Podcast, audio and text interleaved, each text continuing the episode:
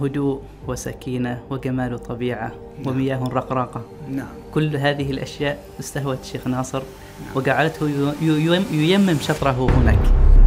فتحولت الجزيرة كلها إلى بيت كأنما هو بيت في سماء اسمه بيت السبحية. كل ما لديه من قرآن يتلاشى وكذلك ما رصيده من المعرفة الإلهية. لماذا؟ حدثنا عن هذه التجارب. خصوصا ثريا وسهيل. يعني ما هي قصة أيضا هذه الرواية؟ حتى عنوان الكتاب. لا يتذكر.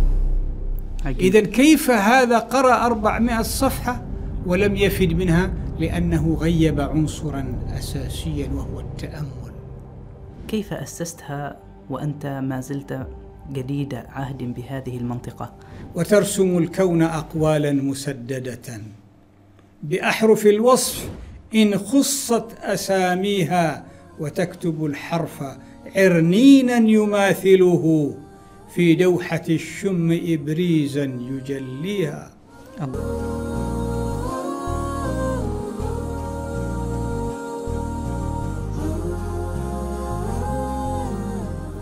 السلام عليكم ورحمة الله. الحمد لله والصلاة والسلام على رسول الله وعلى آله وصحبه ومن والاه. وأهلا وسهلا بكم مشاهدينا ومستمعينا الكرام في لقاء متجدد من لقاءات منصة برزة.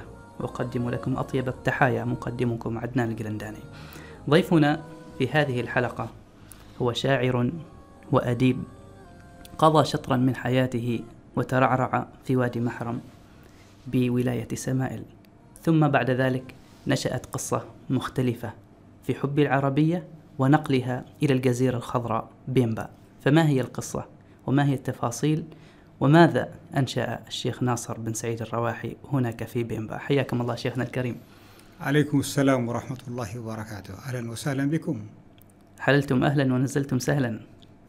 يبارك الله لنا وإياكم. جزاكم الله خيرا على تلبية هذه الدعوة. هذا حق مكتسب لكم. أنتم ما- ممن يحج إليهم لكيما يحدث التواصل عبر السبب أو آخر. بارك الله فيك شيخنا الكريم. هذا من كرمكم التعريف بالضيف الشيخ ناصر بن سعيد الرواحي هو شاعر وأديب كما ذكرنا من وادي محرم بولاية سمائل مؤسس أكاديمية سمائل بالجزيرة الخضراء بيمبا. وفي عام 2017 كذلك افتتح كلية سمائل للعلوم والصناعة كما أنه كاتب ومؤلف وأديب صدرت له العديد من الإصدارات. من أهمها أنا أحب لغة القرآن في جزئين اثنين ورواية هذه الثريا فأين سهيل؟ وكذلك رواية لمن تغني الطيور ومجموعة مقالات أسماها صدى المعاني. حياكم الله شيخنا الكريم مرة أخرى. تسلم تسلم. يبارك الله لكم. شيخنا الكريم أنت أيضا لك كتابات شعرية جميلة ورائعة كما أنك قلت في سمائل وقفت أرى المشارف والنجود نعم. وغيث الشعر يمطرنا المزيد فكانت روعتي لما رأتني سمائل أبتغي القوم الأسود نعم. ورحلتك من ولاية سمائل وتحديدا من وادي محرم ثم بعد ذلك انتقالك إلى جزيرة بيمبا والقيام بالعميل العديد من المشاريع هناك قبل أن نشرع فيها نريد أن نتعرف على القصة على هذا الانتقال على اختيار بيمبا تحديدا حسب ما عرفت أنت مثلا لم تولد في الشرق الإفريقي وكذلك لم يكن والديك مثلا هناك أو أحد أجدادك ولكن كانت فكرة الانتقال بعد ذلك. فما هي هذه القصة؟ بسم الله والصلاة والسلام على خير خلق الله نبينا محمد صلى الله عليه عليه وسلم الصلاة والسلام.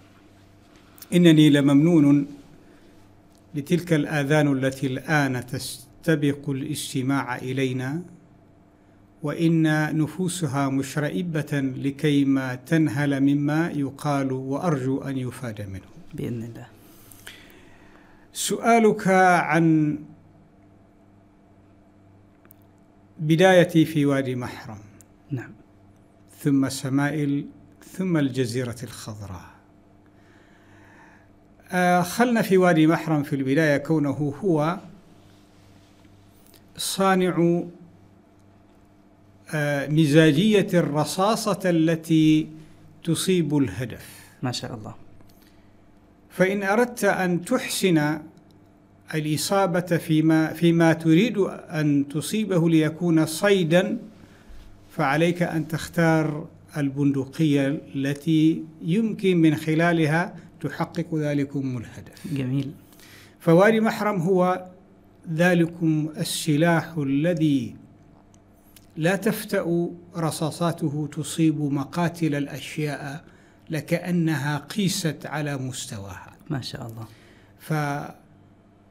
فقريتنا اسمها قرية السيح في وادي محرم نعم. هذه قرية تلبد تحت جبل من ناحية والناحية الأخرى على ضفاف الوادي. ما شاء الله. فإذا فإذا ما جاءت الغزالة الصباح تجده تجد القرية وقد بقت تحت حضن الجبل الغربي لكأنما يقول أنا حارسها. ما شاء الله. فهي تحت دفء صدري. جميل. فكأنما الشمس ترفعه رويدا من شرقها لينتصب واقفا لتحل هي محله في حراسة القرية ومدها بأسباب ألوان الجمال الذي لا يفتأ يتولد ويتناسل كل حين جميل جميل جدا فهي قرية صغيرة من حيث المساحة ولكن كما قال آه، أبو مسلم في بعض أبياته آه، أنه قد ترى عددا قليلا نعم. ولكن التكاثر والكثرة من الإنتاج هو الذي يعول عليه ليس آه، عدد ال- الأشخاص وكثرته. صحيح. هذه هي قريتنا قرية السيح وادي محرم. ما شاء الله. أما سمائل المدينة نعم. فأول ما خرجت من وادي محرم إليها رأيت الوادي وادي سمائل هذا العملاق. نعم. الذي يفت يعني يقسمها إلى شطرين. تأملته في الوهلة الأولى ورأيته كأنما فارس يق- يعني على جواده ينظر إلى الصف الأيمن وهو يراقبه ومن الصف الأيسر الآخر كذلك لا يغيب عنه. ما شاء الله. يمر مر السحاب بين هذين وذاك وتشعر وكأنك أنت ذلكم الفارس في بعض أوقاتك. جميل. هذه هي سمائل التي أحبها. هذه سمائل عمان. نعم. وماذا عن سمائل الشرق الأفريقي؟ سمائل الشرق الإفريقي هي هي الحسناء الثانية. ما شاء الله. هما فتاتان جميلتان ينتميان إلى عنصر مزاجي واحد. آه، الكل منهم منهما آه، يمد للأخرى بأسباب أناقته المتجددة. ما شاء الله. فسمائل الجزيرة الخضراء هي بنت سمائل عمان فأخذت أيضا حظها كما أخذت هذه مما ينبغي ألا يفوتها أن تناله من الاهتمام سواء على المستوى القطر الزنجباري نعم. أو على مستوى من يأتون إلينا ثم يعودون بذاكرة خصبة في الحديث عن سمائل الجزيرة الخضراء. جميل جميل جدا. طيب شيخنا كيف آه، اخترت الجزيرة الخضراء بيمبا؟ وكيف كانت بداية السفر إليها؟ وما هي القصة وراء ذلك؟ نعم. يقول المتنبي وقد يتقارب الوصفان جدا وموصوفاهما متباعدان. ما شاء الله. عوامل كثيرة سبقت هذا الانتقال. نعم. الانتقال لم يكن انتقالا هكذا دون أن يكون له توطئات. من توطئاته أنني لما تركت الوظيفة الحكومية هنا رغبة في أن أهتم بالقراءة والكتابة. ما شاء الله. ولكن حدث في الوسط امرا أبقاني بعيدا عن هذا الذي أريد وأحب بل وأنزع إليه عشر سنين. ما شاء الله. فبعد عشر سنين قلت أين أنا مما كنت أساسا تركت الوظيفة الحكومية لاجله والأجل كان ماذا؟ نعم. أو الهدف؟ الهدف هو التأليف القراءة والكتابة. لماذا؟ نعم.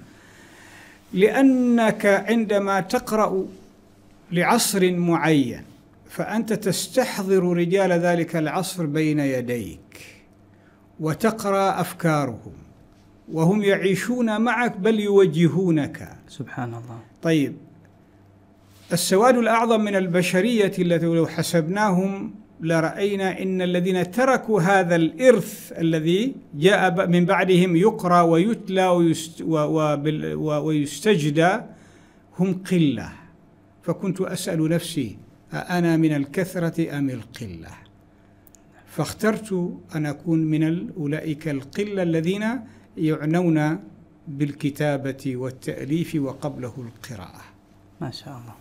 فكان لي حظ على كل حال بأن يتيسر لي هذا الأمر آه، هنا في عمان قبل سفري إلى الجزيرة الخضراء حيث كنت أنا أنشر في جريدة الوطن تحت زاوية اسمها الحكمة مرايا وشخوص. الحكمة مرايا وشخوص. نعم. آه، إلا أنني توقفت فكان الأستاذ خالد شاب سوداني هو المسؤول عن هذه الصفحة فلم سألني لماذا توقفت؟ قلت لمن أكتب؟ ما أكتبه أنا بالنسبة للقارئ ماثل بين سني قلمي وأنا أكتب. ولكنني مغيب. هو لا لا يأبه بي. قال لي لا تضع الأمر هكذا. سيأتي التاريخ وينصف من كتب ومن أحسن الكتابة. الله. فمن هنا عدت إلى القراءة والكتابة ثم بعد ذلك إلى التأليف بعد أن وصلت إلى الجزيرة الخضراء. الجزيرة الخضراء بيئتها يتمنى الإنسان أن يرى هذا المكين المتحرك من البشر بعض مكونيه في بيته الخاص. نعم. من أب وأخ وزوجة وأطفال. فيصلح بالنسبة لها كما يقول الشاعر أتاني هواه قبل أن أعرف الهوى. فصادف قلبا خاليا فتمكنا. فالجزيرة الخضراء إلى اليوم وإلى غد هي منزع كل من ينشد أن يستمع إلى الصمت من ناحية وأن يطرب لما يراه ويشاهده من واقع يتمناه أن يكون في بيته وفي مجتمعه هدوء وسكينة وجمال طبيعة نعم. ومياه رقراقة نعم كل هذه الأشياء استهوت الشيخ ناصر نعم. وجعلته ييمم شطره هناك نعم ما شاء نعم. الله كم كان سنك تقريبا شيخ لما انتقلت في زيارتك الأولى إلى بينبا؟ أنا كنت في 2010 في زيارة للجزيرة الخضراء وصادف أن سماحة الشيخ أحمد بن حامد الخليلي يحفظه الله ولفيف من المشايخ جاءوا أيضا في ذاك الوقت وتزامن وجودنا. ما شاء الله. فتحولت الجزيرة كلها إلى بيت كأنما هو بيت في سماء اسمه بيت السبحية. هذا بيت الإمام سعيد بن خلفان الخليلي. وكانوا كل الذين في الجزيرة لا سيما من العنصر العربي. نعم. لما كنا نستقبل الشيخ أحمد في المطار الناس من البوابة إلى العمق لكأنهم من أبناء سمائل أو إزكي أو قريات. الله. من أين خرجوا؟ كيف جاءوا ولما جاءوا؟ هذا كله مجاب عليه لأن الود الذي أسسه هذا الرجل الشيخ أحمد في قلوب الناس لم يستطع التكييف له أن يكيفه أن تقول أنا أوده بمقدار الجبل الفلاني. ترى الجبل قليلا. إذا هذا سر الله تعالى جعله مكنون في قلوبنا إن الأشياء العظيمة لا تجسم. الله. فالود من هذه الأشياء العظيمة التي من الصعب أن تقول لأبيك أنا أودك بمقدار كذا. كل المقادير دونه تكون قليلة. ما شاء الله. ففي 2010 أنا كنت في الجزيرة الخضراء. جميل. طيب شيخنا عند زيارتك الأولى كان لك انطباع معين عن الجزيرة؟ ومباشرة وأنت تنظر إلى الشخوص وإلى الأماكن وإلى الوضع الاقتصادي والتعليمي هناك ارتسمت في مخيلتك؟ يعني عدة مشاريع عدة آه، رؤى عدة تطلعات. نعم. وأتوقع أن الزيارة الأولى كانت هي البذرة التي حركت بقية المشاريع. نعم. ما شاء الله. كأنك كنت معي. أشكرك على هذا الحدث اللطيف. نعم. حينما كنت في الجزيرة يومئذ ورأيت الناس قد جعلوا من القرآن طاقة تتولد بها إمكانيات قلوبهم. إذا كان الناس يعتمدون في الطاقة على نشاط أجسادهم من الطعام فهم جعلوا من القرآن هي الطاقة الأولى. ما شاء الله. فتجد الطفل عمره ثلاث سنوات أربع سنوات يقرأ لك جزء أو جزئين أو ثلاثة. بصوت عذب وإيقاع يتساوق مع نغمات الروح التي هي تقطع هذا النغم على نحو يجعل منك أسيرا لما تسمع. ما شاء الله. فشهدت حلقة كان وزير التجارة الأستاذ ناصر المزروعي رئيس يعني يعني راعي الحفل تلك ذلك الحفل. فحضرت فتباروا الناس على نصف درجة من مئة في المئة. نصف درجة؟ نعم وكلهم يقول أنا لها.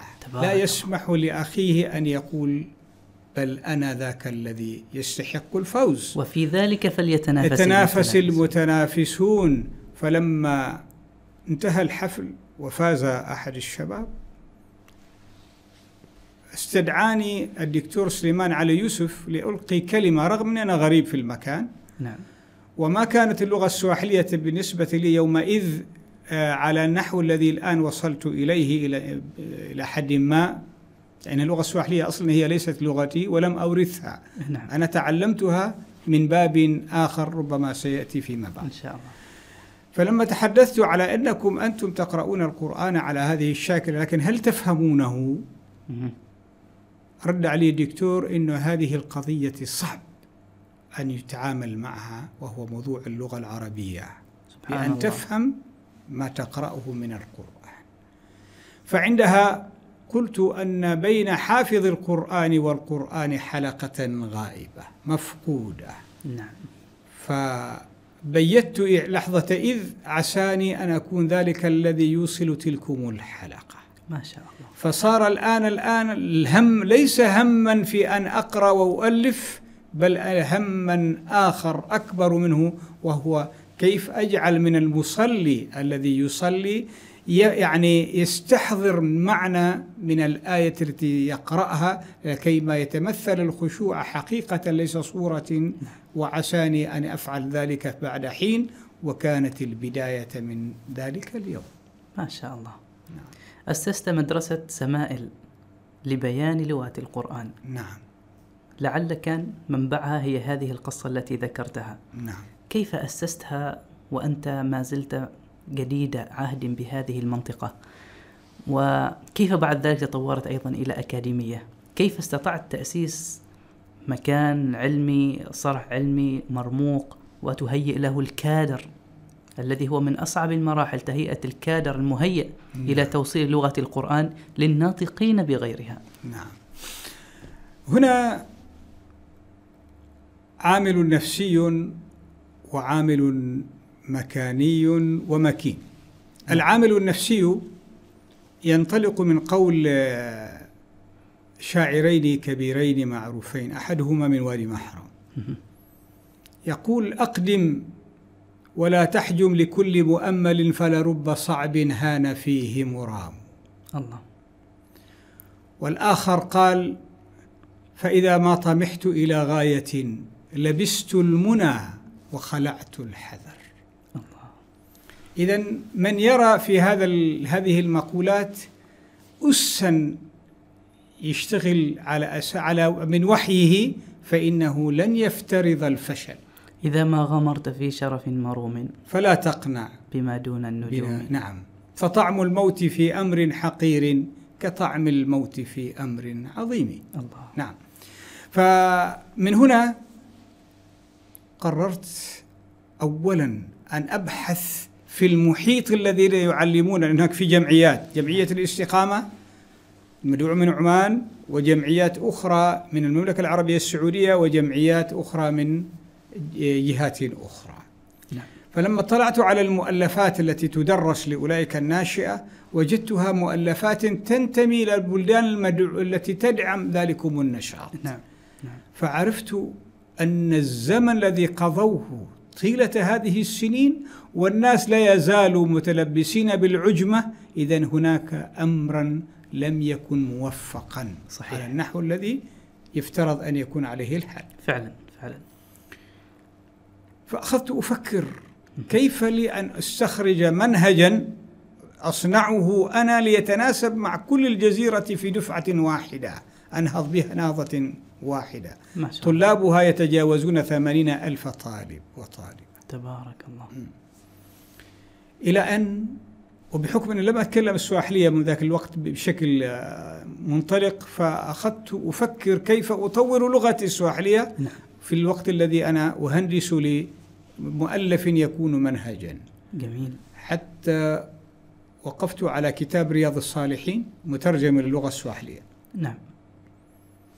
عندها دخلت فيه فوجدت المفردة العربية التي هم يعتبروها سواحلية تملأ هذا الكتاب. فاستخ- فاستخرجت ما في الكتاب من كلم عربي مشترك في اللغة السواحلية فكونته على هيئة آه، كشاكيل كذا في البداية إلى أن صار آه، منهجا أسميته أنا أحب لغة القرآن. جميل. فكنت أنجم هذا البحث وأقدمه للمعلمين الذين كنت أحتضنهم في مساجد معلمي القرآن نعم. أعمل لهم دورات. نعم. يأتي من بيته أدفع له إجرة الانتقال. ما شاء الله. إلى مكاني ثم العودة إلى بيته بعد أن أخذ حصة مما كان غائب عنه.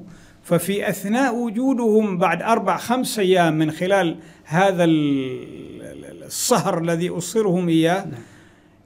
يتنافسون في قولهم كنا ننظر إلى العربية من, من الاستحالة أن نتحدثها. ما شاء الله. وها أنت الآن تقدمها لنا كمن يتعاطى كاس ماء بارد على ظمأ يرى الألوان كلها في ذلكم الماء. سبحان الله. فكانت البداية من هنا. يعني شيخ ناصر كأنك وجدت أن هناك منطقتين مضيئتين العربية والسواحلية نعم. ولكن بينهما خيط رفيع ما زال يقبع في الظلام. نعم. فما قررته أنت بهذا المنهج؟ أنا أحب لغة القرآن.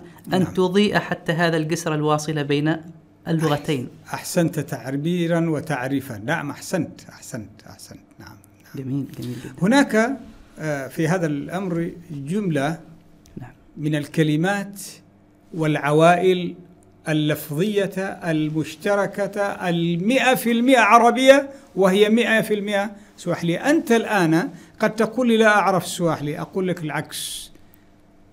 وتدخل معي في مشادة. لكن بعد أن نتحاور تتبين أنك أنت تتحدث السواحلية وبدرجة ممتازة بس محتاج إلى ها كما أسميته أن تضيء تلك المنطقة ال- الضبابية لا تقول ظلمة. نعم. مثلا لو أخذنا هذا قلم. قلم. ثم أخذنا ورقة. طيب. قرطاس. فكتبنا بالقلم على القرطاس ثم بعد ذلك صار كتابا. نعم. هذه عائلة. القلم بالسواح اسمه كلامه. كلامه. الورقة بالسواح اسمها كراتاس. كراتة ونحن نسميها قرطاسة. نعم. وبعد ذلك يقول كتاب. كتابه إذا هل أنت غريب عن هذه اللغة؟ كلا. هذا هذا واحد. اثنين قول الرسول عليه الصلاة والسلام في حديث يقول دم المؤمن على المؤمن حرام. حديث لو قلته وأنت تلقي المحاضرة في المسجد أمام أولئك الناس يقولون هذا هذه لغة ثقيلة كالي يعني أي حادة. نعم. بينما لو لو أعمل عقله قليلا لوجد أن هذا الكلام كله سواحلي. كيف؟ كيف؟ الدم يسمى بالسواحلي اسمه دامو. دامو. المؤمن يسمى واميني أو مؤمنيني.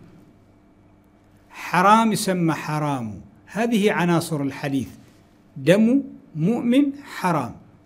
انتهى بقي فقط إذا كلها ما بينها هي عبارات عن عبارة عن أدوات كلم ليست كلم. نعم نعم. فلهذا لما دخلت عليهم من هذا الباب قالوا في أنفسهم كنا أغبياء. فجئت اليوم لتزيل عنا الغشاوة فصارت الآن أمامنا الطريق ممهدة فأصبحوا اليوم بلابل حديث لهذه الساحرة العربية. إذا قاربت بين اللغتين وانطلقت من المشتركات بينهما نعم. فسهل عملية الربط بينهما لفهم المعنى. نعم تماما. عجيب. وما هي منهجية الكتاب شيخنا؟ هل مثلا على هيئة جداول أم أنه يشرح المفردات بشكل مختصر أو ما شابه؟ هذه مسألة أيضا بتوفيق الله تعالى نعم. هذا الكتاب أنا أحب لغة القرآن نعم هو ليس كتاب للغة. اللغة تعلة لكن الكتاب كتاب فقهي ديني ما شاء الله نظامه نظام الألف إلى الياء فبدأت بحرف الألف حتى استنفذت الكلم المشترك بين اللغتين فوضعته في هذا الباب. ثم الباء ثم التاء إلى آخره حتى تكونت عندي 1370 كلمة عربية سواحلية مشتركة. 1370 كلمة. أيوة. حينئذ لما تعرف أنت من لغتك لتتحدثها موجودة في اللغة الأخرى بهذا الكم أتستشعر الغرابة؟ كلا. يستحيل. صحيح. إذا العامل النفسي وهذا كنا لما كنا نتعلم, نتعلم اللغة الإنجليزية في منطقة فيها ضباب.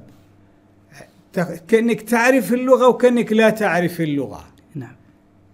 لكن بينك أنت واللغة السواحلية هذه الضبابية من- منقشعة لما لك من رصيد مسبق فيها وبالتالي توظفه كيما تدلف إليها بيسر وسهولة إذا الكتاب منهجه منهج الكتب التعليمية الأخرى لا جديد عليها ولكن ينطلق من الجملة المشتركة بين اللغتين وهو بثلاثة ألوان لون أزرق ولون أحمر ولون أسود. اللون الأزرق هي الكلمة العربية السواحلية لفظا ومعنى. لفظا ومعنى. كما هي. الكلمة بال- باللون ال- الأحمر هذه فيها شيء عربي وفيها شيء سواحلي. وأما الكلمة باللون الأسود فهذه الكلمة العربية التي تعتبر حديثة عهد بالمتلقي لتلكم الجمل. هل لنا ببعض ال- الأمثلة شيخنا على كل صنف من هذه الأصناف؟ نعم. هذا الكتاب اسم الكتاب الثاني. نعم. وهذا الكتاب الأول. في جزئين. إذا فتحنا على أي صفحة نحن الآن في الصفحة 128 نعم. يقول تحذر آيات الله تعالى من اتباع خطوات الشيطان. طيب. تحذر. نعم. إذا هذه جملة لها علاقة بما جاء به القرآن والمصطفى عليه الصلاة والسلام. قوله تعالى ولا تتبعوا خطوات الشيطان. نعم. لهذا قلت لك هذا ليس كلم للكلم بل إنما رسائله تتفق مع مزاجية أولئك القوم الذين هم محبون للقرآن. ممتاز. تحذر جاءت باللون الأحمر. نعم. لماذا؟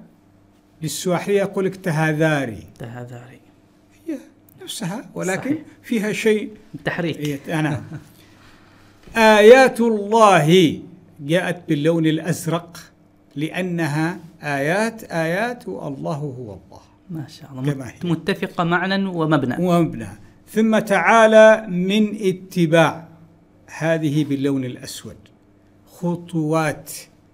خطوات باللون الأحمر في السواع اسمها هتوة هتوى. هتوة يعني خطوة. نعم. ولكن بما تتفق والنغمة السواحلية. نعم. إذا هذا هو النوع هذه هي ال- ال- الفكرة التي تدور في الكتاب من الألف إلى الياء. جميل. وهو مكون من 24 درس. ما شاء الله. لكل كتاب اثنا عشر درسا وبعد نهاية كل درس تجد فيه تقييم. أسئلة عما كان في الدرس ثم بعد ذلك تجيب لتنتقل إلى الدرس الآخر. ما شاء الله. إذا فتح الله عليك بهذا رغم أنك لا تتحدث السواحلية منذ صغرك مثلا. ولكن بالإرادة والعزيمة والهمة كل شيء يتحصل. الحمد لله الحمد لله. طيب شيخنا بعد ذلك كنت تستقطب هؤلاء المعلمين وتعلمهم وتقيم لهم الدورات حتى يتمكنوا. ما هي الخطوة التي اتخذتها بعد ذلك لتوسع هذه الدائرة من المتعلمين؟ أحسنت. من 2011 إلى 2014 وأنا أشتغل في المساجد. نعم. شغلي أعلم المعلمين في دورات إلى أن جاء 2014 فكان لزاما هنا أن يكون لي مقر. نعم. فاستأجرت مبنى وأخذت الإجازة من الحكومة بإنشاء أكاديمية السماء لعلوم القرآن. فصارت الآن هنا صبغة رسمية بينما كانت أولا صبغة شعبوية يعني في المجتمع هكذا. جهود فردية. جهود فردية. معي طاقم من الناس لكن كانت جهود ما في ما فيها مسوغ قانوني أو مظلة قانونية. والآن انتقلت إلى العمل المؤسسي. احسنت العمل المؤسسي. جميل. استمرت في هذا الأمر إلى أن اكتشفت قضية أخرى. وهي؟ وهي أن الذين قد حفظوا القرآن الكريم ولهم حظ من التعليم في هذه الجمعيات يتكدسون في في في في غرف الانتظار للوظائف والأعمال. عجيب. وبعضهم يتوظف في أعمال كل ما لديه من قرآن يتلاشى وكذلك ما رصيده من المعرفة الإلهية. لماذا؟ لأن العمر الإنسان لما يصل إلى عمر 15 18 20 سنة تأتي متطلبات. نعم. جسديه ومتطلبات معيشية. هذه المتطلبات تطغو أحيانا على كل ما كان من قبل. على المعارف وغيرها. نعم. فقررت أن أنشئ كيانا فنيا. أستقطب هؤلاء الذين قد حفظوا القرآن وليسوا على مقاعد الدرس كيما أعلمهم صنعة وعندها بإمكانهم أن يحافظوا على ما لديهم. نعم. من مخزون معرفي قرآني بالإضافة أنهم يستطيعون الكسب عبر هذه الوسيلة. جمعت بين الحسنيين. نعم. حاجة المادة وحاجة العلم. تماما. ما شاء الله. فأنشأنا كلية السماء للعلوم والصناعة. ما شاء الله. هنا لزم الأمر أن نستأجر مبنى آخر. فاستأجرنا مبنى فيه 21 مكتب ثلاث طوابق. فكان هذا المكتب عبارة هذا المبنى عبارة عن خلية هناك تدريس اللغة لغة القرآن نعم. لمعلمي القرآن وهناك خلايا لتعليم الجانب الفني. ما شاء الله. إلى أن اتضح لي أن هذا المبنى ليس موائما لما أطمح إليه أن يكون عندي قاعات درس يعني مصممة أصلا لهذا الأمر.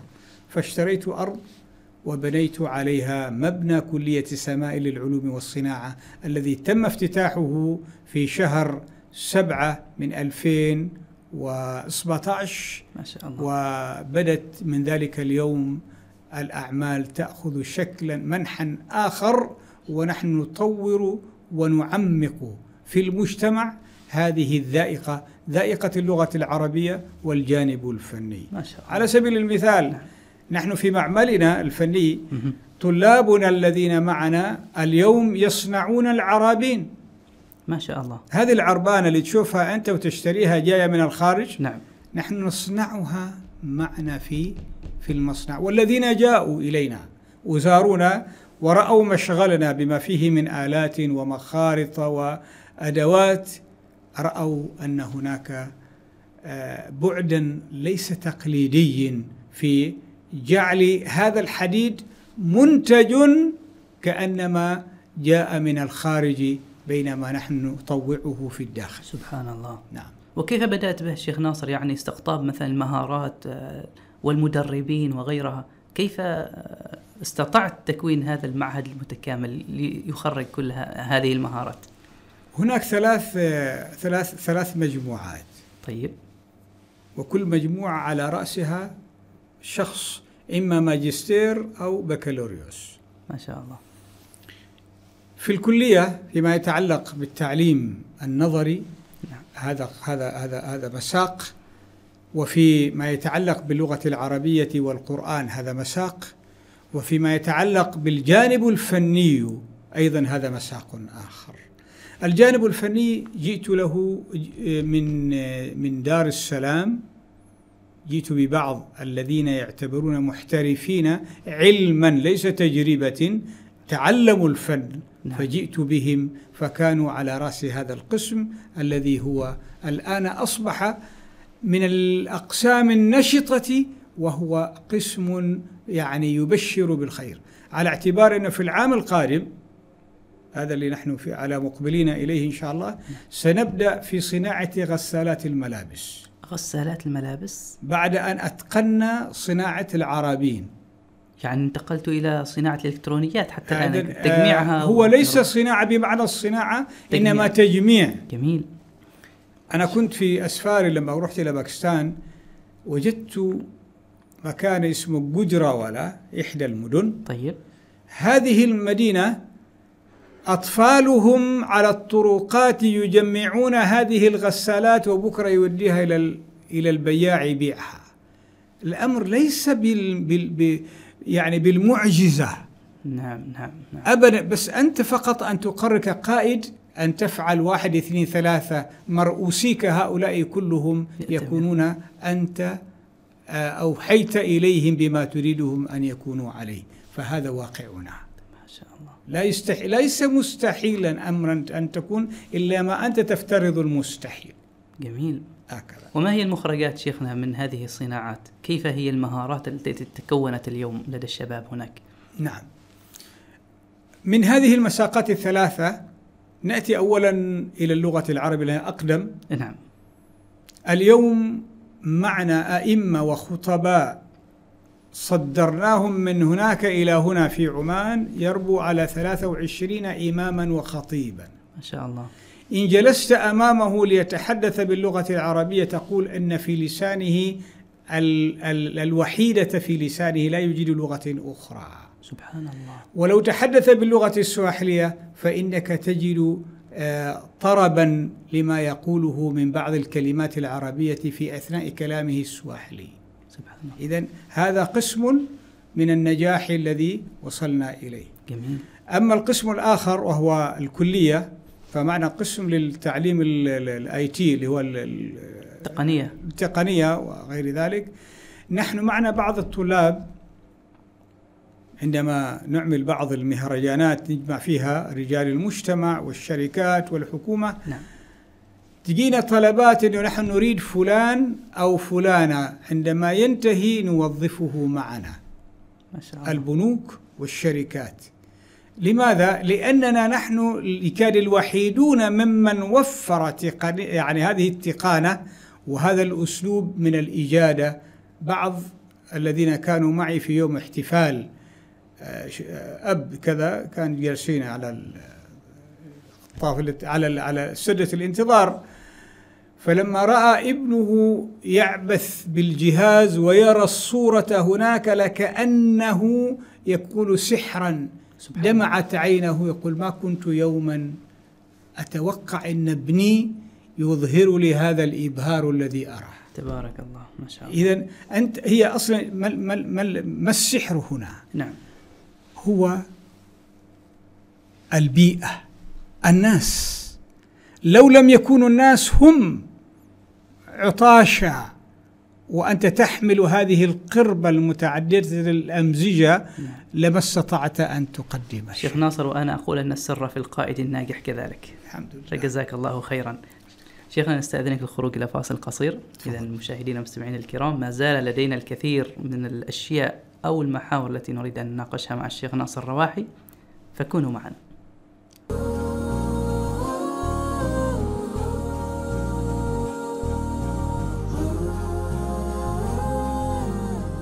حياكم الله مشاهدينا ومستمعينا الكرام. نستكمل معكم حديثنا الشائق عن قصة حب للعربية هجرت من عمان إلى بينبا مع الشيخ ناصر بن سعيد الرواح حياكم الله شيخنا مجددا. تسلم. بارك الله فيك. شيخنا الكريم كل من يعرفك يرى مدى تمسكك بالحديث باللغة الفصحى. حتى أن أحد معارفك كنت أسأله عنك عن شخصك الكريم. فيقول لي كلما جلسنا نحادثه حتى بالسواحلية يجيبنا باللغة العربية وكأنه يرجعنا إرجاعا إلى هذه اللغة. فما هو السر وراء هذا التمسك؟ السر التأمل. التأمل. سئلت مرة كم كتاب تقرأ؟ وكم ساعة تقرأ؟ كم ساعة أقرأ هذه حسب نوع القراءة التي أريد؟ نعم. أهي قراءة بحثية أم قراءة للقراءة أم قراءة استمتاع؟ قالوا وما السر في الذي نراك يعني مختلفا عنا؟ كلنا نقرأ. الجواب هو التأمل. تتأمل في قراءتك. تستطيع أن تقرأ كتاب أو يقرأ شخص كتاب مؤلف من أربعمائة صفحة وتسأله عما لفت انتباهه في الكتاب. نعم. وتقول له ما عنوان هذا الكتاب؟ لا يعطيك جوابا. حتى عنوان الكتاب لا يتذكره. إذا كيف هذا قرأ أربعمائة صفحة ولم يفد منها؟ لأنه غيب عنصرا أساسيا وهو التأمل. لم تحدث تلك الصداقة بين القارئ وبين الكتاب. أحسن. هذا ليس عيبا من المؤلف إنما هو بنفسه لم يعني يضع في قرارة قلبه ماذا أريد أنا مما أقرأ. جميل. فالتأمل هو الذي يقودك إلى الصواب. والتأمل سماه الله تعالى في هذا في, في القرآن الكريم أفلا يتدبرون؟ نعم. فعملية التدبر هي هي التأمل. جميل. فحينما أقرأ نصا لمصطفى صادق الرافعي مثلا نعم فأجده فوق ما أنا في وسعي أن أتأمله في تلك اللحظة. أبقيه أسبوعا أنا أقرأ فيه في نفس الصفحة ويأخذني أيضا عامل التأمل فيه حتى أشعر وكأنني أرى صادق الرافعي هو يقول لي ما قصدته من النص ما أنت ذهبت إليه فيما تأملت. عجيب. إذا التأمل هو الإكسير الذي يفتقده الكثير. جميل.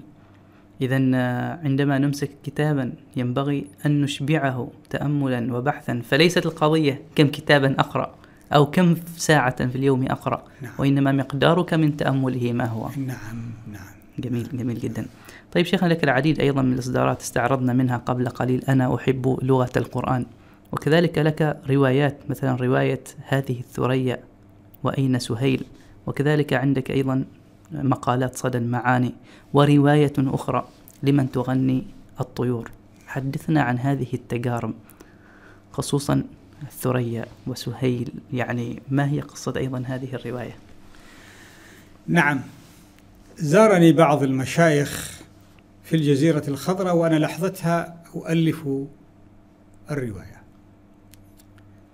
الدكتور حسن. فيعرف شغفي فيما يتعلق بالكتابة وغير ذلك. نعم.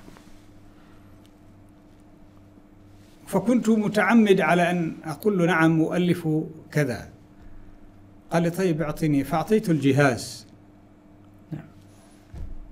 فبدأ القراءة.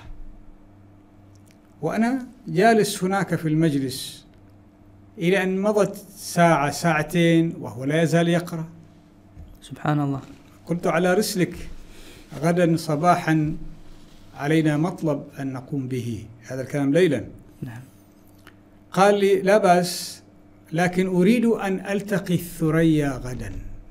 تحضرها هنا في المجلس. سبحان الله.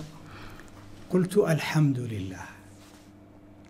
طالما استطعت أن من قارئي هذا هو قارئ جيد معروف لغوي على مستوى عمان. أنه النص نقله من حيث هو إلى حيث ما أراد الكاتب فصار يستمع للثريا بل يراها بل يتخيلها بل يتأمل ذلكم القوام. حينئذ أراد الآن أن يراها بالعين المجردة بعد أن كانت رأتها خيالاته من خلال الكلام. فقلت الحمد لله. لأن هنا دور الكاتب. نعم. أن تنقل القارئ من حيث هو إلى عالمك أنت حيث أنت. فإن استطعت ذلك فقد وفقت أيما توفيق. إذا الثريا هي آه، شخصية أسطورية. نعم. كما قال أيها المنكح الثريا سهيلا. عمرك الله كيف يلتقيان؟ يا الله. أنا أردت أن أجعل من هذه كلمة كيف نعم. الاستغرابية أن تكون حقيقة في الرواية وأن يكونا ملتقيين وأن يتحاور حوار سهيل والثريا والثريا هي على كل حال كما هو معروف أسطوري الناس الذين يعرفون النجوم يقولون ذلكم نجم الثريا صحيح صحيح نعم. طيب شيخنا أيضا صدى المعاني مجموعة آه، مقالات رفيعة المستوى حقيقة والكلمات فأين نسجت هذه الكلمات؟ صدى المعاني جاء ردة فعل إزاء الإخوة الذين زاروني في الجزيرة الخضراء. فكان كل فوج يأتيني ثم يعود من, من هناك فيترك عندي بصمة. أريد أن أعيش تلك البصمة مرتين أو أكثر. فأحمل القلم لأكتب أحداث ذلكم اللقاء. فتأتي آه، يعني مشاهده من وحي ذلكم الحدث الذي تم. فمثلا كنت في أحد أحد الوفود كان الأستاذ أحمد آه، الفلاحي المعروف الكاتب نعم، المعروف. الأديب نعم. والأديب وكذلك عبد الله أبو اليقظان عبد الله الحارثي والصحفي اللامع آه، سعيد بن خلفان النعماني. نعم. فذهبنا إلى الأرشيف فدخلنا. فعندما وصلنا إلى غرفة وجدنا قد سبقت قبل أن تفتح لنا بفاتح آخر وبصماته موجودة على الأرض دون أن يفتحه الباب. ذاك هو المطر. المطر. فقد غدر في بطن الغرفة. نعم. دون أن يفتح هذا الذي كان يرشدنا الملفات التي فيها الوثائق والمخطوطات جاءتنا سفارات الحروف مع رائحة الورق وتلك اللحظة تأملنا نطق ليلى عندما كانت تقول أوقف الشامبة الفلانية للأيتام الفلانيين على أن تتعهدوا لي بأن تحفظوا لي بناتي. هذه ليلى إلى اليوم تطالبني وإياك أن نجعل من بناتها في ألسنتنا عذاب وفي عقولنا تلكم الحيويات. يا الله. فاللغة فالكتاب هذا على على على سؤالك هو جاء نتاج لذلكم الحراك الاجتماعي من خلال الوفود الذين زاروني هناك. جميل. شيخنا تصوير هذه الحلقة يتزامن مع يوم اللغة العربية أو نعم. يعقبه بيوم بالأحرى. فماذا تقول لمحبي هذه اللغة؟ وماذا تقول للشباب الذين اليوم يمزجونها بغيرها ويخلطونها بغيرها ويرون التحدث بغيرها علامة رقي وحضارة؟ سبحان الله أنت وضعت أصبعك على الزر الناكئ والنازف دما من القلب. المشكلة ليست لدى الشباب. المشكلة أن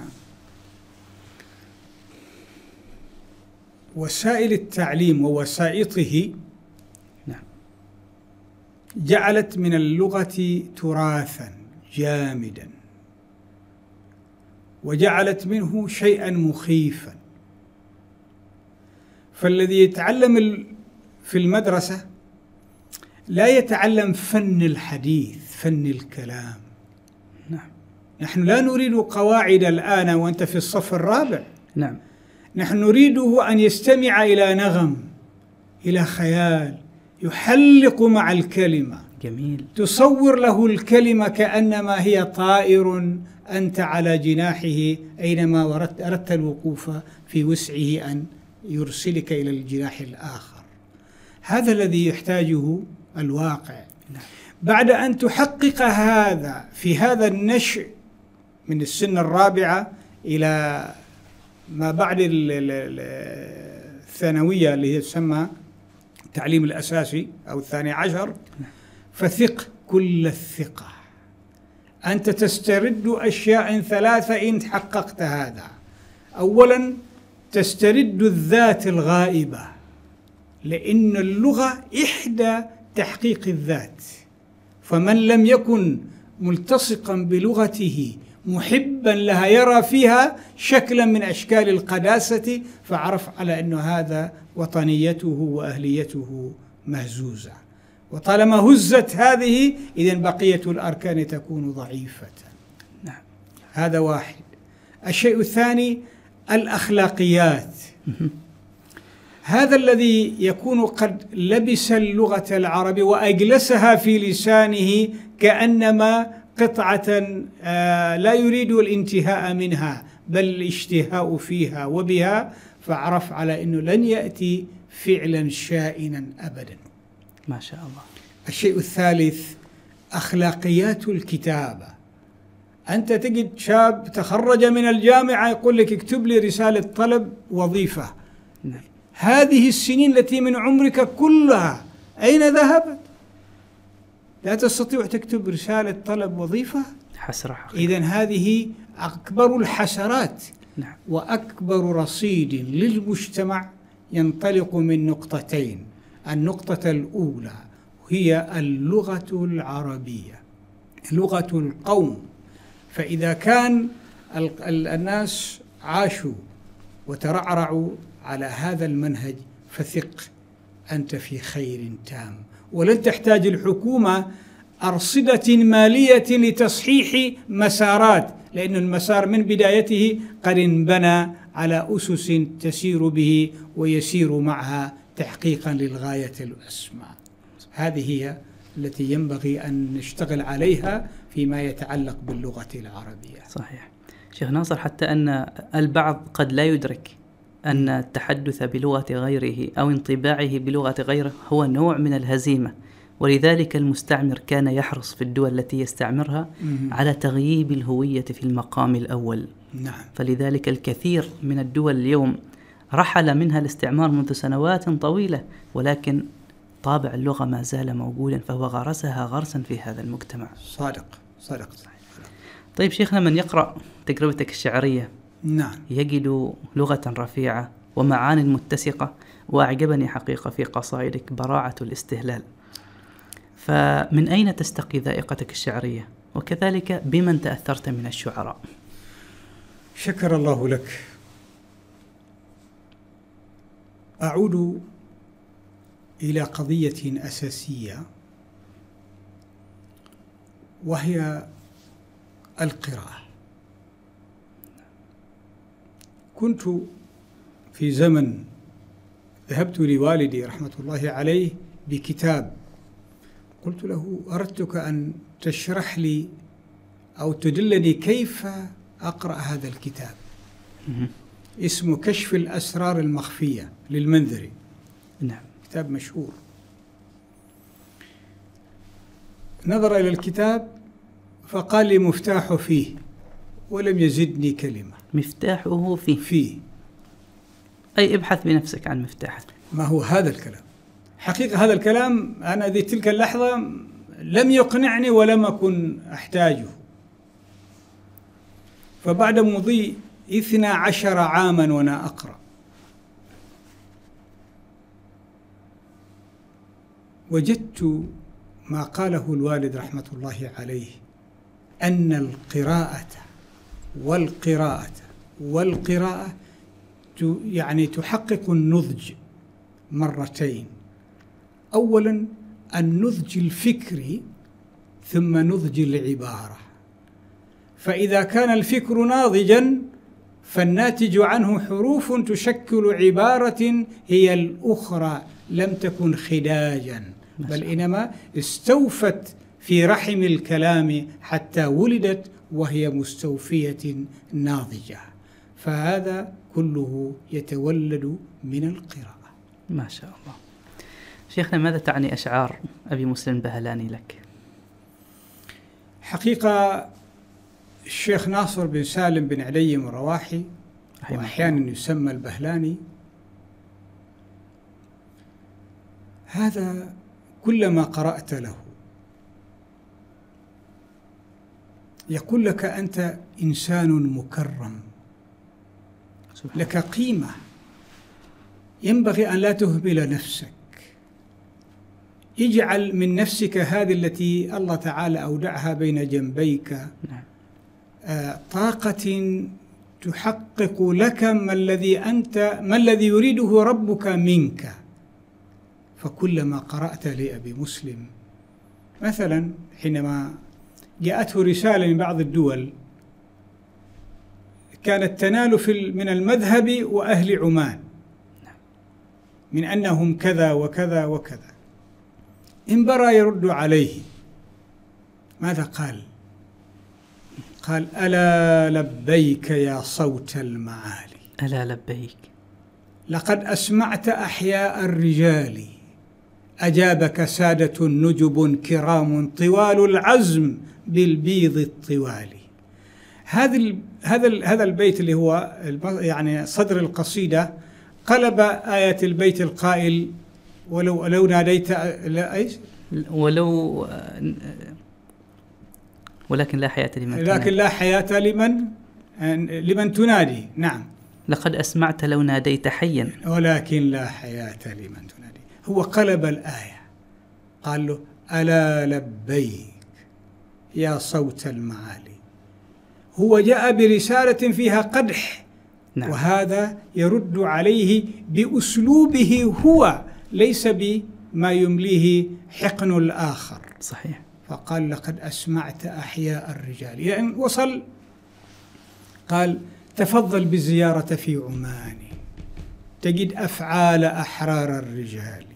تجد ما شئت من مجد وفضل وأحساب عزيزات المثال تجد ما قسمته من المنايا خيول الله في حزب الضلال تجد من هيبة الإسلام ما قال من هيبة فلان نعم. وفلان نعم. وفلان تجد من هيبة الإسلام شأنا عليه الكفر مبيض القذال تجد همم الرجال مصممات لثأر الدين ترخص كل غالي فلا تقنع بسمع دون عين فما عين الحقيقة كالخيال.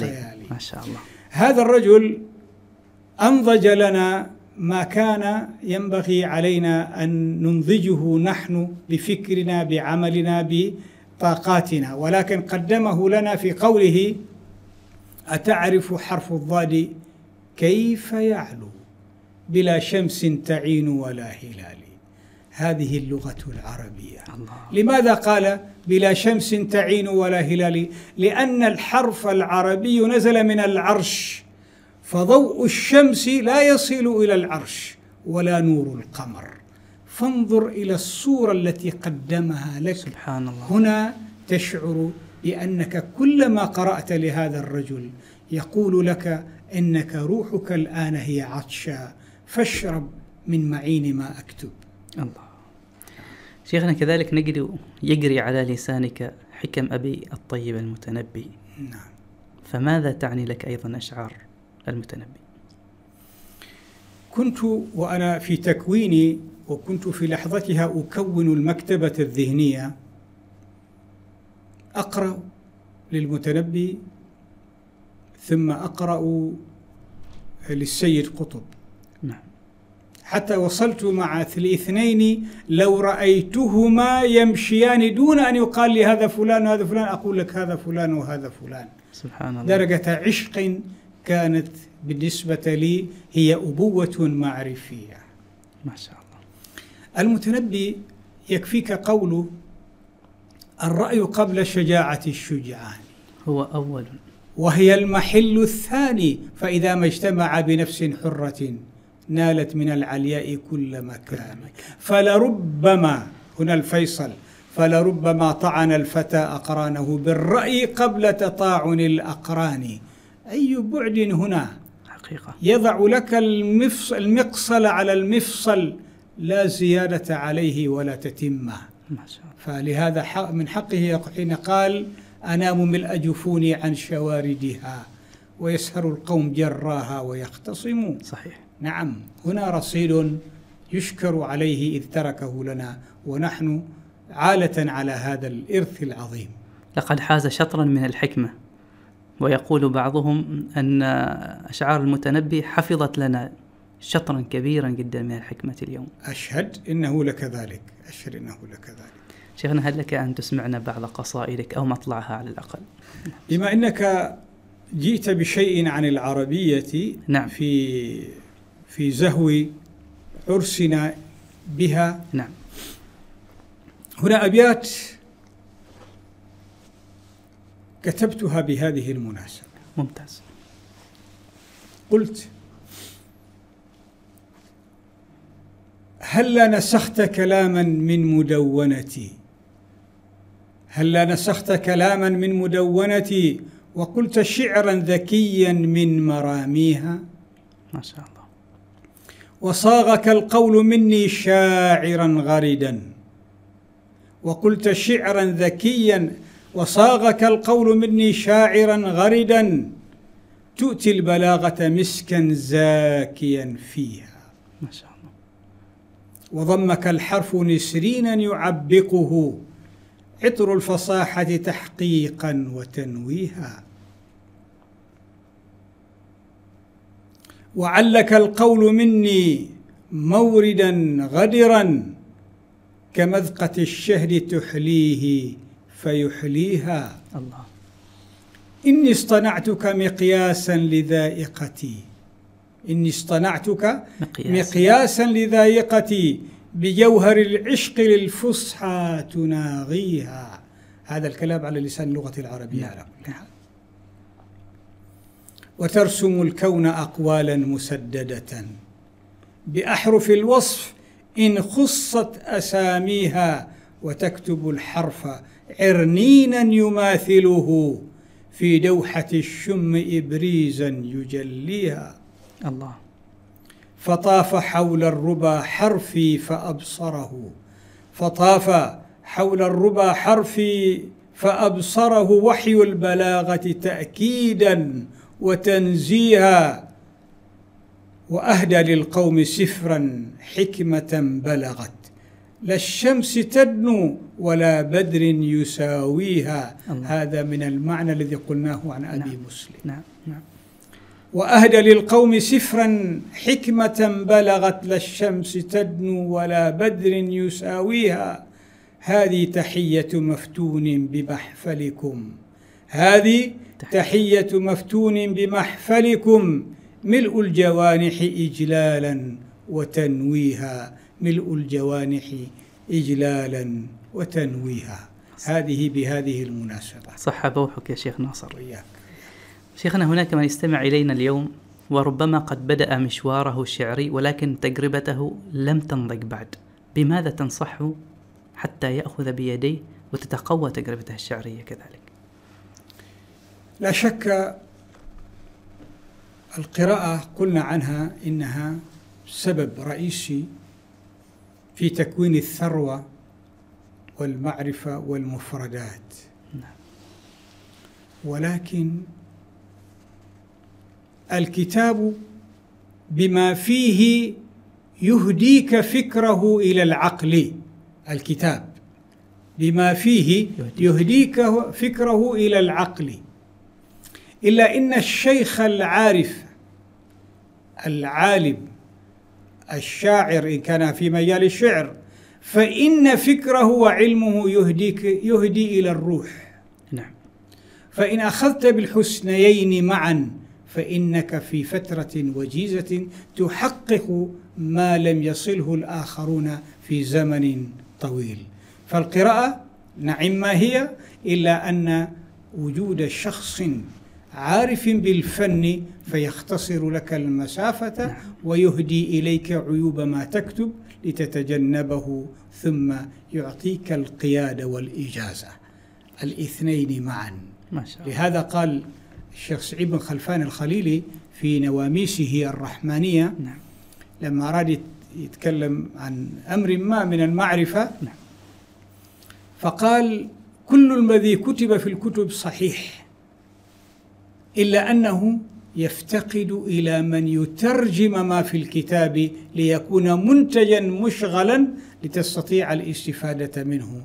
إذا طالما بعده لفي الكتاب إذا هو ليس منتجا يحتاج إلى شيخ. نعم نعم. فهؤلاء أنصحهم أن يكونوا إلى آه، وكثيرون ممن آه، هم على استعداد أن يقدموا لهم الرشادة والنصح نعم. لكي تكون كتابتهم من وهلتها الأولى تولد صحيحة غير عقيمة. جميل جميل جدا.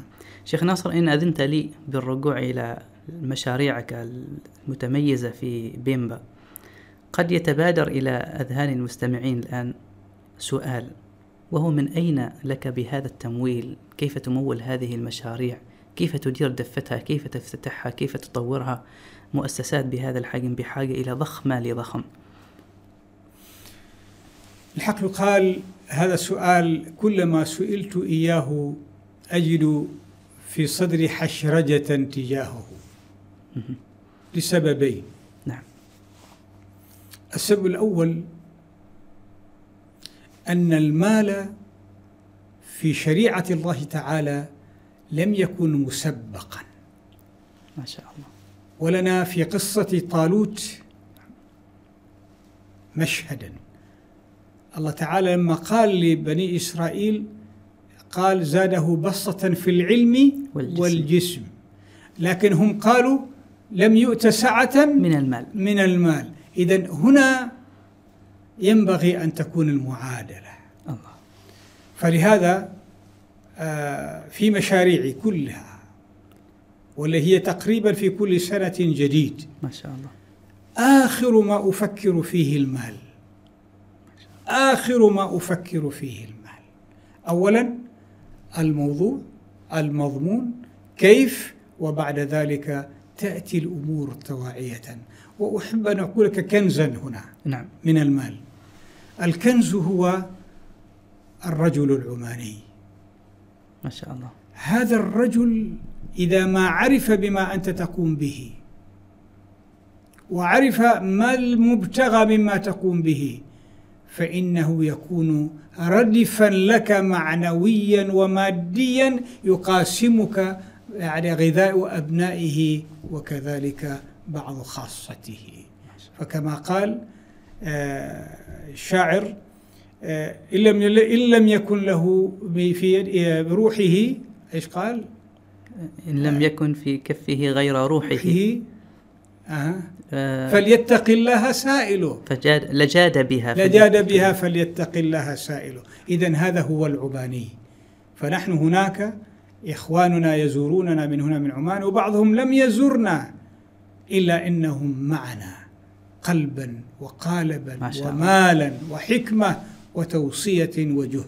جزاهم الله خيرا. فأرجو أنكم عندما تأتون إلينا هناك آه، تحاولوا أن تتذكروا بعض ما قلناه هنا لتروه على الطبيعة إن شاء الله. نسأل الله أن يكرمنا بذلك. آمين. شيخنا الكريم في ختام هذه آه، المقابلة الطيبة هل من كلمة توجهها لأبناء الأمة العربية؟ نعم. أقول لأبناء هذه الأمة التي اختارها الله تعالى على سائر الأمم. بأنهم فهمهم للحياة فهما خاطئا. الحياة أكثر من سجن بين مأكل ومنام أكثر من ذلك بكثير. فالله تعالى قال في القرآن الكريم أليست أرض الله واسعة فتهاجروا فيها؟ نعم. أحب أعطيك جملة صغيرة. نحن في عمان نعاني من بطالة. هؤلاء الشباب لو أحسن لو أحسن توجيههم وجاءوا إلى تلك الديار لن يق... يعني بعد ستة أشهر تستطيع أن تجعل من عشرة آلاف منهم الكل منشغل بعمل يدر عليه وعلى من وراءه أي عدد كان. ما شاء الله ما شاء الله. إذا هذا الحائل الذي حيل بيننا نحن وشرق إفريقيا ينبغي أن ينقشع وبالتالي الأمة إذا وعت حقيقة مكانها في صدارة ما ينبغي أن يقوم عليه الإنسان أن يفهم رسالته في الدنيا في الحياة. الله تعالى قال ولقد كرمنا بني آدم وحملناهم في البر والبحر ورزقناهم من الطيبات وحملناهم في البر والبحر وفضلناهم على كثير من خلقنا تفضيلا. تفضيلا. أي تفضيل إذا كنت أنت لا تعرف موقعك من الإعراب؟ لا. اخرج إلى الواقع بروح ملؤها الجينة التي ورثناها من آباء وأجداد لنا. ما شاء الله. صدق أنا في الجزيرة هناك يأتيني بعض الناس من الأدغال. بعضهم يسلم في تلك الديار ويأتوني به لكي أتبنى تعليمه نظرا. لمن يسلم يحتاج إلى الشغل صحيح. حتى تجعل منه أن يعرف واجبه وكيف نعم. يعبد الله تعالى نعم. أسأله يقول لي نعم كانوا العمانيين يقول لي كان شيبة هناك فلان وفلان وبعد أولاده كذا وأول يعني تتعجب إن في ذلك المكان لا كهرباء ولا ماء ولا حتى اتصال بالآخرين وهذا العماني قد أسس مملكته بينهم وهو كان يومها غريبا وبعد حين صار هو القائد في المكان. ما شاء الله. هذه الجينة لماذا تختفي من نعم. أبنائنا؟ اليوم الواحد يخاف من ظلته. هذا غلط. صحيح. هذا هناك في حلقة مفقودة تحتاج إلى تصحيح. جميل. شكرا لك شيخ ناصر على هذا العطاء الطيب. تسلم. أخذتنا في سياحة رائقة شائقة في أرجاء الجزيرة الخضراء وفي أرجاء اللغة العربية كذلك. فجزاك الله خيرا. أنا سعدت حقيقة لكم أنتم شباب تشكلون لنا رهانا على أن ما نقوم به سيكون من يواصل السير بعدنا. بارك الله فيكم آمين. وأحييكم على كل حال. والسلام عليكم ورحمة الله. وعليكم السلام ورحمة الله وشكرا لكم مشاهدينا مستمعينا الكرام. على حسن المتابعة على أمل أن نلقاكم بمشيئة الله تعالى وتوفيقه في لقاءات متجددة من لقاءات منصة برزة تحت سقف واحد.